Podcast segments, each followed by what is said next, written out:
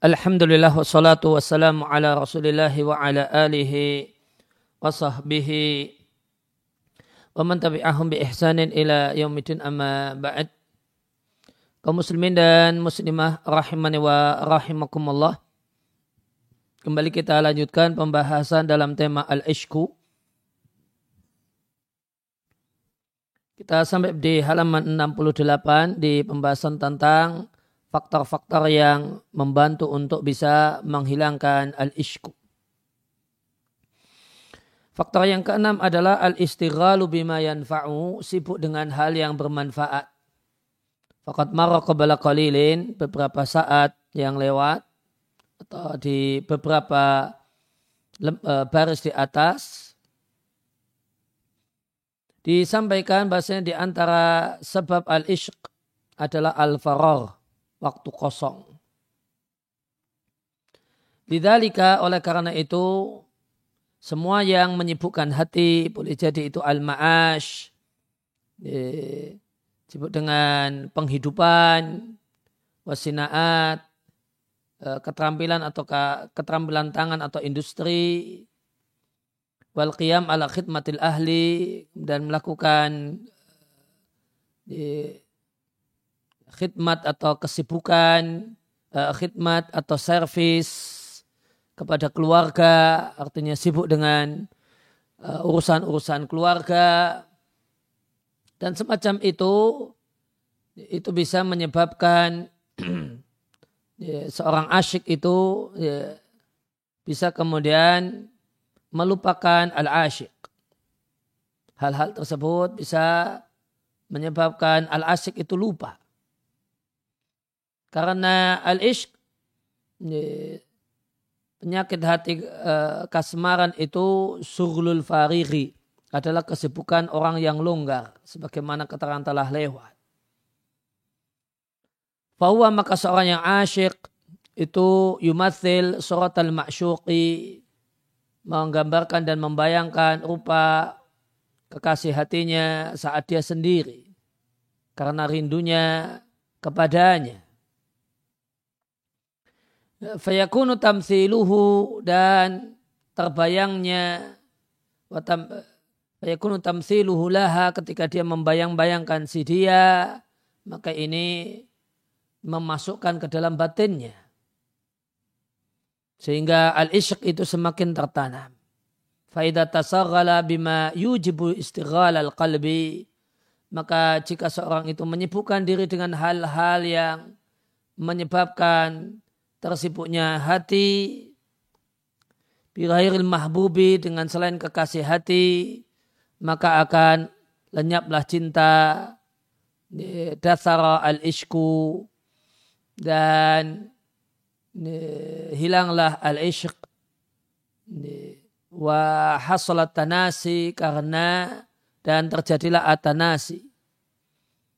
Tanasi itu pura-pura lupa Artinya ya ini masih potensi untuk bisa muncul lagi.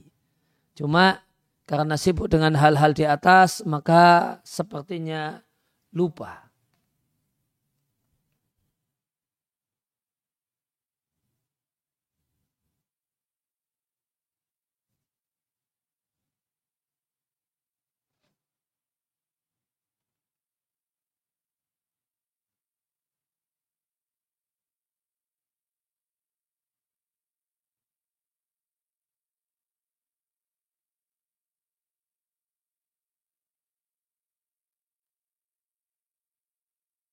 Ya, dasara itu bisa maknanya in, uh,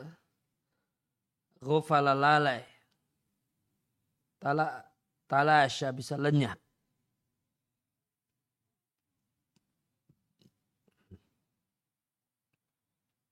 Kemudian kiat yang ketujuh, supaya virus merah jambu itu tidak semakin menjadi-jadi, adalah azawaju segera menikah. Meskipun dengan pasangan yang bukan orang yang dia jatuh cinta dan kasmaran padanya. Jadi meskipun bukan dengan orang yang menjadi kekasihnya dalam al-ishq tadi. Apalagi uh, terutama jika dia mendapatkan bahagia ya bersama yang dinikahi. Boleh jadi ada orang yang isyaknya itu isyak terhadap artis gitu ya. Kebayang-bayang kemudian ya, histeris kalau bisa melihat di dunia nyata. Ya, maka dia perlu disadarkan dengan realita. Ya, dengan menikah dan meskipun bukan dengan yang yang kemudian menjadi sebab dia terkena virus kasmaran tadi. Fa inna fi zawaji kifayatan maka dengan menikah itu maka mencukupi wabarakatan dan di dalam nikah itu ada keberkahan dan dan dan dan bisa lupa. Itu kalau isyak untuk jomblo. Maka solusinya adalah segera menikah meskipun bukan dengan orang yang sel kemarin selalu dia pikir-pikirkan. Wa ingkana mutazawijan. Dan jika dia ya, isyak itu dalam keadaan beristri ataukah bersuami, fal yukthir minal jima'i maka perbanyaklah jima. Maka bolak-balik melakukan hubungan badan dan dan dimaksimalkan hubungan badan tersebut sehingga uh, betul-betul uh, demikian terasa dinikmati. Demikian dinikmati dan demikian nikmat. Dinikmati dan demikian nikmat dengan berbagai macam pose, dengan dengan uh, penyambutan. Fa innau dawa'un maka itu obatnya. Uh, wa wajuhu kaunihi dan penjelasan kenapa jima itu menjadi dawaan obat karena jima itu akan mengurangi panas yang darinya tersebarlah al-ishku Wa idza dhawfatil hararatu al-ghariziyatu maka jika panas yang bersifat insting ini melemah maka hasolal futuru maka terjadilah luyu. Dan dinginlah hati dan padamlah nyala al-ishq. E, solusi yang lainnya fa'inkan al ma'syuku imra'atan jika sang kekasih yang selalu dipikirkan itu perempuan yang mungkin untuk dinikahi maka lakukanlah. Karena itu adalah termasuk obat dan terapi yang paling manfaat karena pernikahan itu menghilangkan al-ishku. Dan jika sulit untuk dinikahi maka mengadulah kepada Allah agar dimudahkan. Kemudian namun catat baik-baik fa'ayuma uh, waliyu amilhu dan tidaklah dia sikapi al-ishq itu dengan bersabar, tahan diri untuk tidak melakukan hal yang terlarang. Karena dengan bersabar menjadi hal yang terlarang, farubama ujila muraduhu. Maka boleh jadi akan disegerakan apa yang dia inginkan.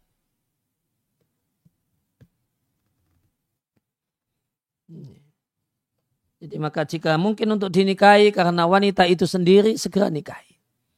Jika sulit karena ada hambatan dengan orang tua, pihak perempuan dan sebagainya, maka sini disarankan mengadu berdoa, banyak-banyak berdoa.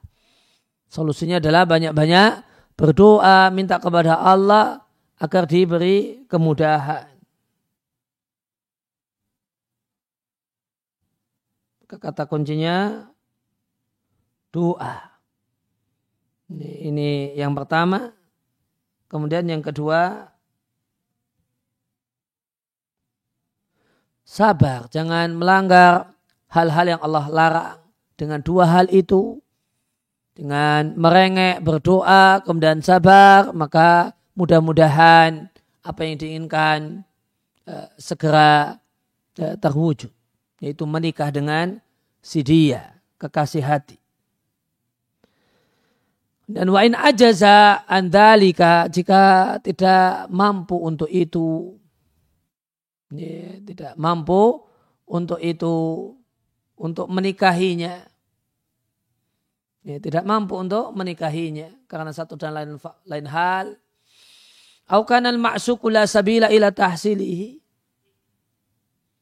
Ya, atau tidak ada jalan untuk bisa mendapatkannya karena kekasihnya adalah seorang perempuan yang bersuami. Kadawati kadati zauji. Maka kata kuncinya adalah falyazim as-sabra.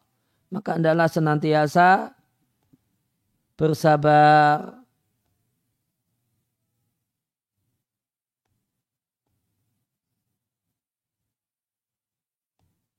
Maka kalau kalau dia seorang wanita bersuami, solusinya dua.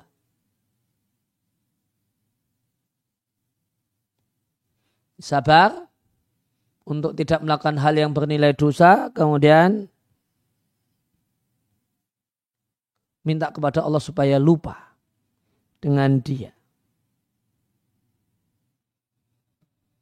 Kemudian kiat yang kedelapan adalah membesuk orang sakit, mengiring jenazah dan ziarah kubur dan melihat orang-orang yang sudah meninggal dunia.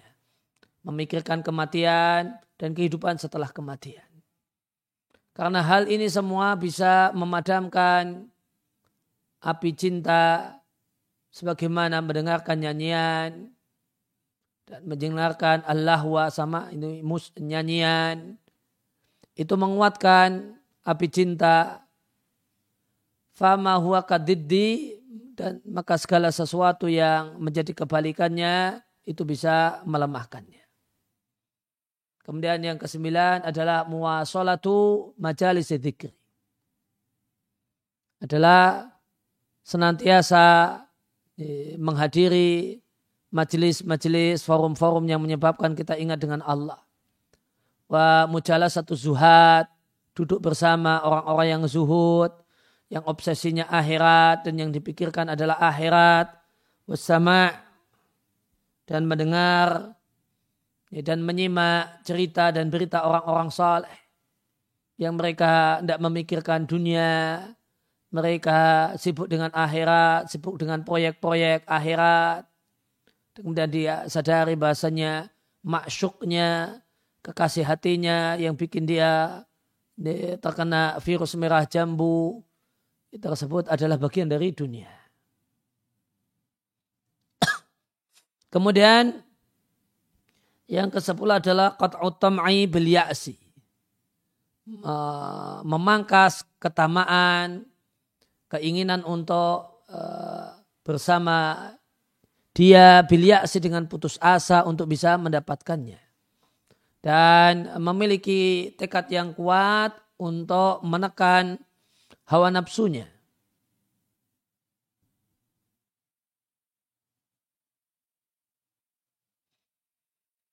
Karena sebab pertama terjadinya al-ishq adalah al-istihsan.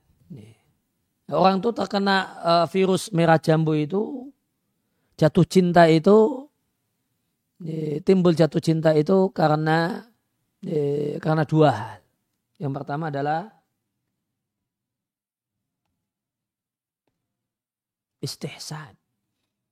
Dianggap bahasanya orang tersebut adalah orang yang istimewa, orang yang indah.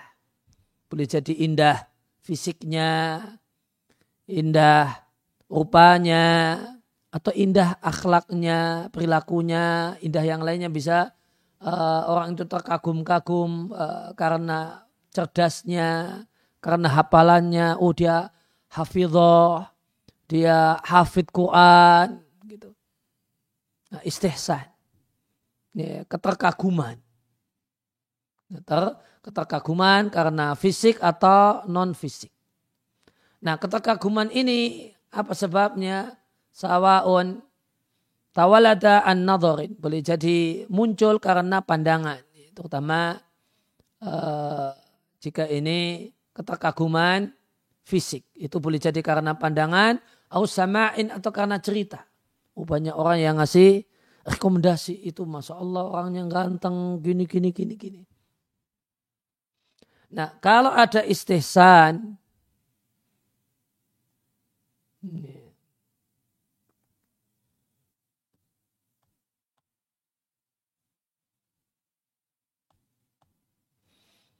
ada istihsan, maka jatuh cinta tidak akan terwujud kecuali diiringi dengan faktor yang kedua, yaitu tamak fil wisal. Ada harapan untuk bisa bersama.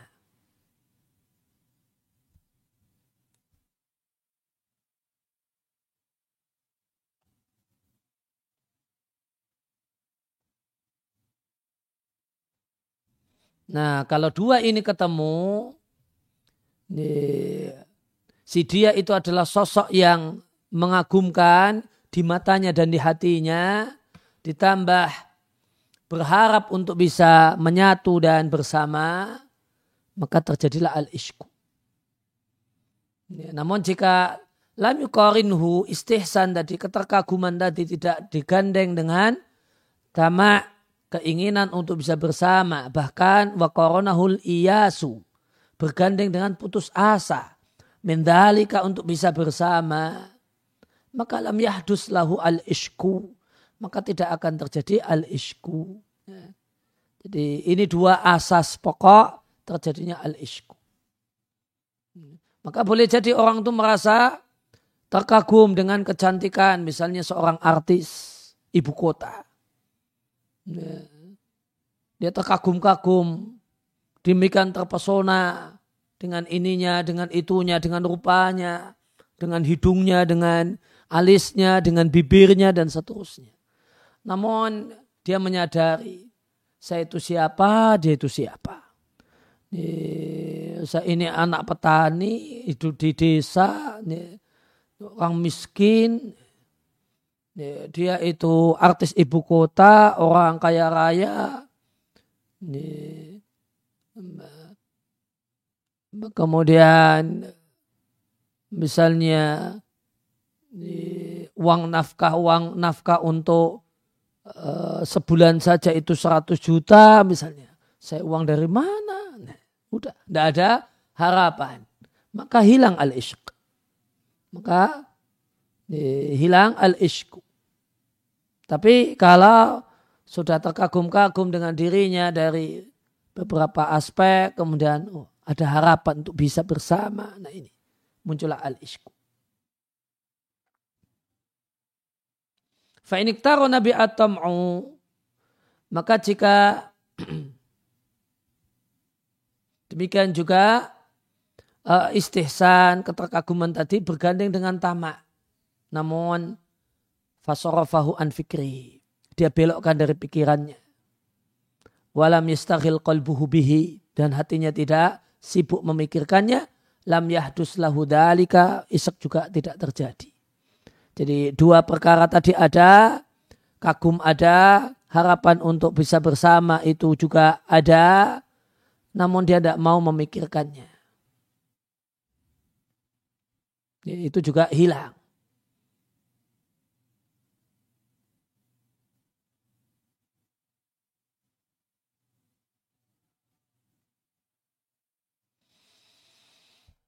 Jadi ini sorofahu an fikri.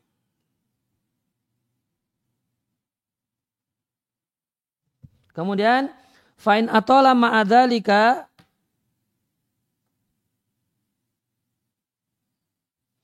Fa'in atola ma'adhalika al-fikri fi mahasinil ma'syuki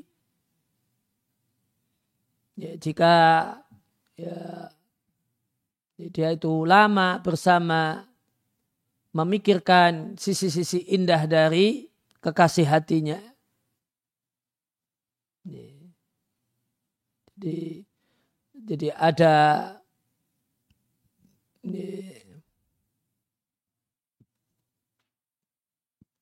atau uh, atolanya itu maf'ul bihi dari atau uh, fikr itu maf'ul bihnya. Wa in fa in atola ma'adalika fikra maka jika bersama hal itu, bersama hal itu itu uh, kagum, tamak, kemudian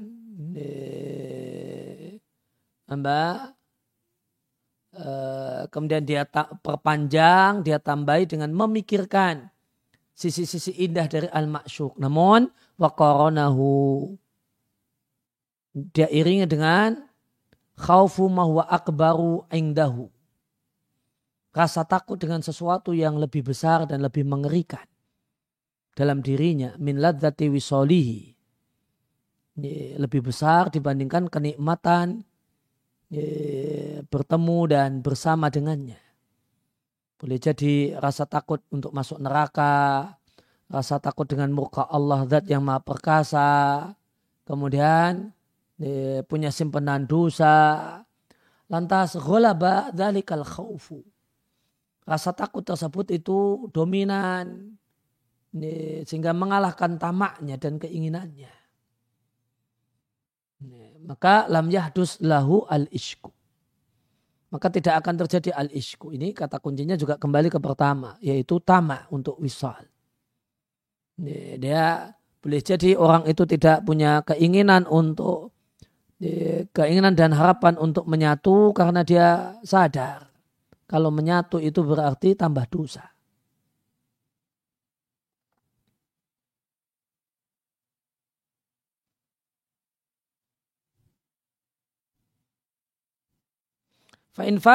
Hadal khawfu.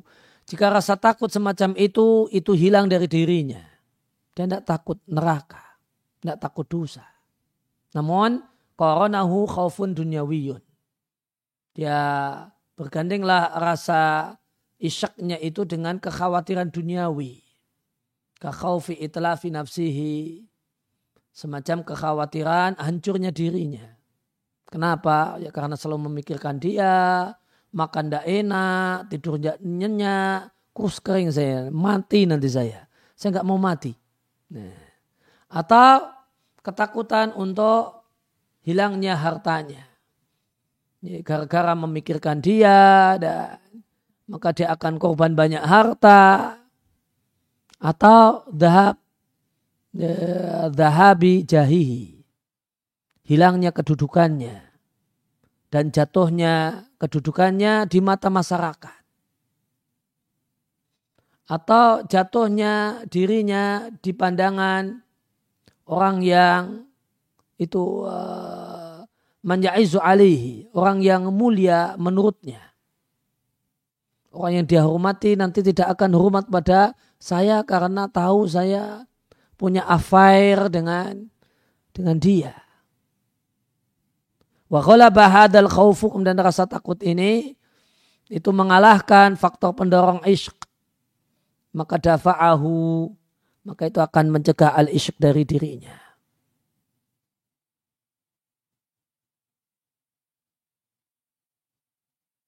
Wakadhalika demikian juga jika seorang itu khawatir hilangnya sesuatu yang dicintai yang itu lebih dia cintai. Dan lebih manfaat dibandingkan dalikal ma'syuki sang kekasih itu. Akhirnya kemudian dia lebih utamakan rasa cintanya. Dia misalnya kehilangan khawatir kehilangan anak-anak dalam tanda kutip kehilangan dalam tanda kutip anak-anaknya dan dia nilai bahasa anak-anaknya itu lebih dia cintai dan lebih manfaat bagi dirinya sangat dia sayangi Akhirnya dia lebih mengutamakan rasa cintanya kepada anak-anaknya. Misalnya tadi kepada dibandingkan rasa cintanya kepada al-ma'syuq. Wanita yang dia cintai. Indafa'a anhul ishq. Maka akan tercegah darinya al-ishku.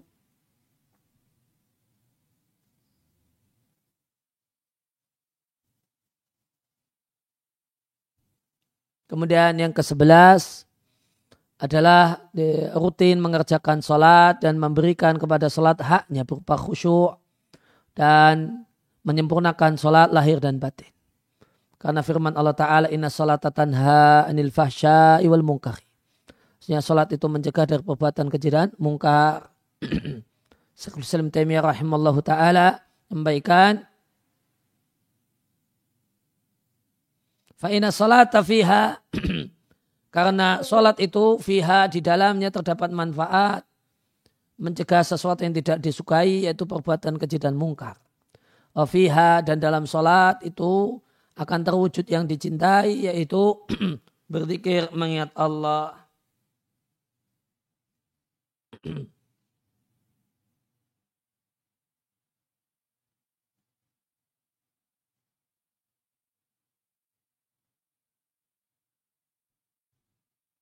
Kemudian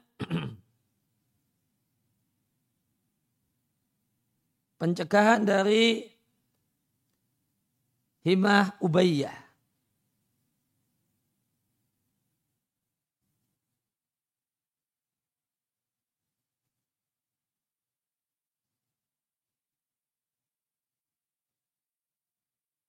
Ya, atau humah uh, himmah abiyun abiyatun yaitu perasaan lebih tinggi daripada segala sesuatu yang jelek. Ubayyatun itu perasaan dirinya itu terlalu mulia kalau harus melakukan ini dan itu yang merupakan kehinaan. Maka zajar dilarang keras oleh al-himmah. Keinginan untuk uh, abiyatun. Harokatnya ya abiyatun.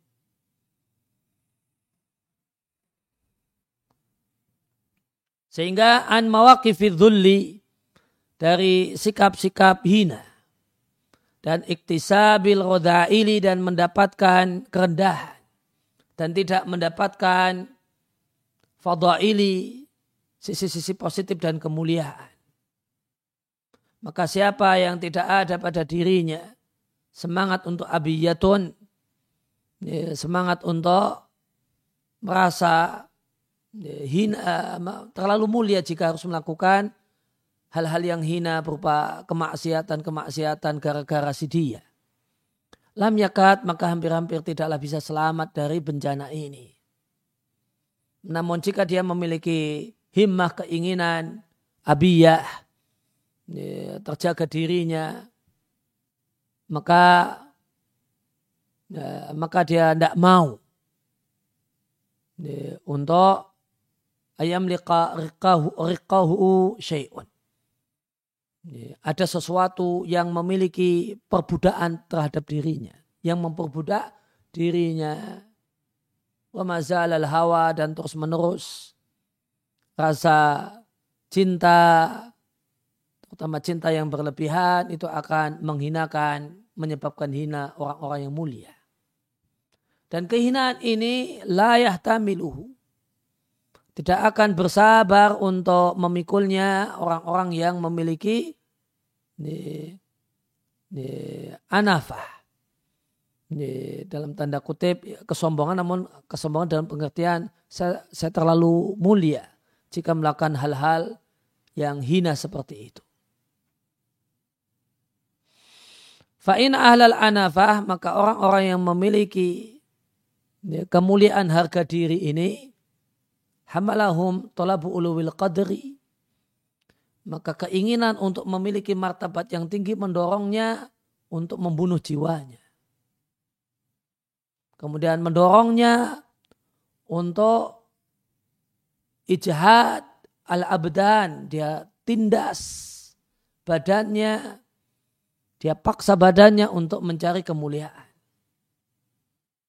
Contohnya kita lihat para penuntut ilmu. Mereka begadangan dan meninggalkan kenikmatan. Kenapa? Karena ingin mendapatkan kemuliaan harga diri dari sebutan orang yang bodoh. Demikian juga orang yang safar, orang yang bepergian untuk mendapatkan dunia. Dia uh, menerjang berbagai macam bahaya. Kalau bahasa letalaknya ini apa? Menunggangi bahaya. Menerjang berbagai macam bahaya karena safar ke luar negeri. Ya, supaya punya duit. Lianala mayarfa'u qadrahu. Untuk bisa mendapatkan hal yang bisa meninggikan martabatnya berupa harta. Bahkan banyak orang-orang yang rudalah, orang-orang yang rendahan. Obama boleh jadi mereka memikul banyak, siap, berani, sabar, memikul banyak kesusahan supaya dia memiliki kedudukan. Oleh hadal qailu yaqulu, oleh karena itu ada penyair yang mengatakan wa kullu qatilun nafsahu, semua orang itu siap membantai dirinya, siap bersusah payah ala ayuqala lahu innahu. Supaya dia tidak mendapatkan sebutan kalau dia itu orang yang miskin, orang yang bodoh, orang yang rendah. Karena enggak ingin dapatkan sebutan itu, maka dia akan bantai dirinya. Dia kalahkan jiwanya, dia akan uh, tundukkan badannya supaya menjadi orang yang mulia. Adapun orang yang tidak punya kemuliaan harga diri untuk mendapatkan kehinaan. Akhirnya dia yang kadu patuh untuk mencocoki hawa nafsunya. Fadhaka maka orang jenis ini kharijun an nitaqil. Itu keluar dari ruang lingkup orang-orang yang bisa tamayus, bisa istimewa.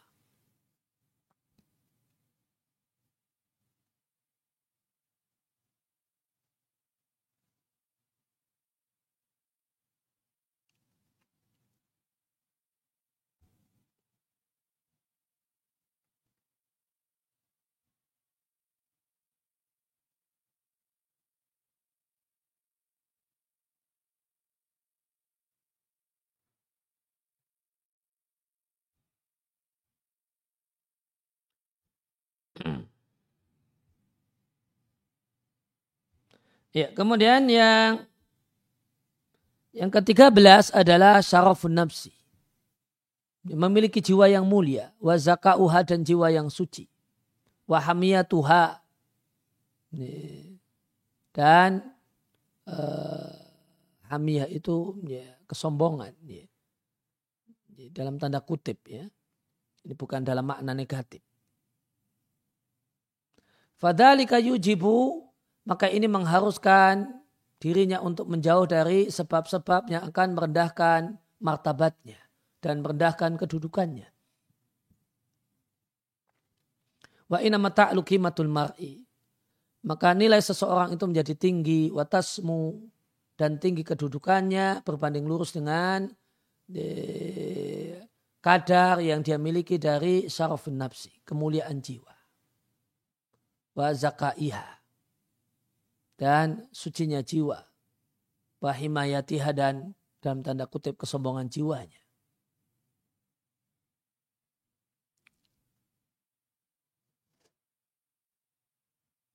Faidah alimat nafsun maka jika jiwa itu mengetahui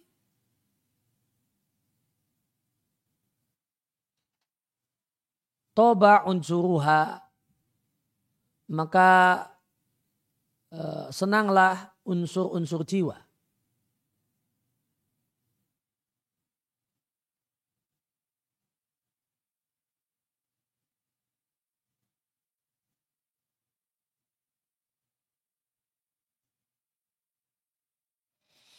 Wasa'afu wijdaniha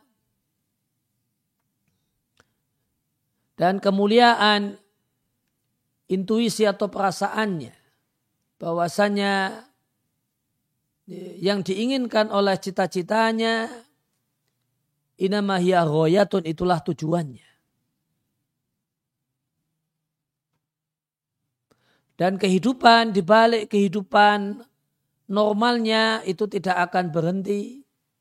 Bisa iha ketika dia uh, berlari dan berusaha engda tom'in ketika menginginkan bilwisol menyatu dengan uh, bersama dengan kekasihnya au amalin binatrotin atau angan-angan dan keinginan binatrotin untuk uh, pandangan. Memandang si dia Balatas tafiqu jahdah. Bahkan dia tidak judah, maka dia tidak akan ya, bangun dari jerih payahnya. Dan dia tidak akan merasa tenang.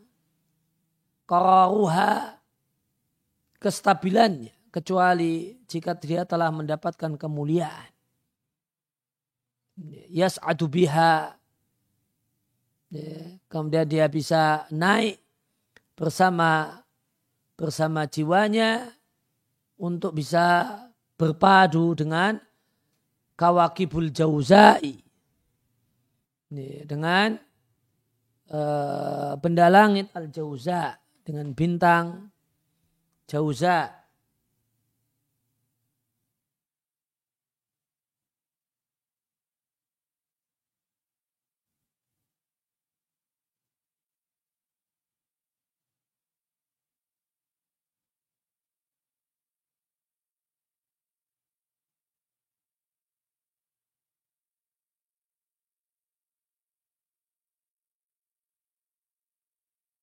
Jauza itu salah satu rasi bintang. Rasi bintang yang waktunya dari 21 Mei sampai 21 Juni.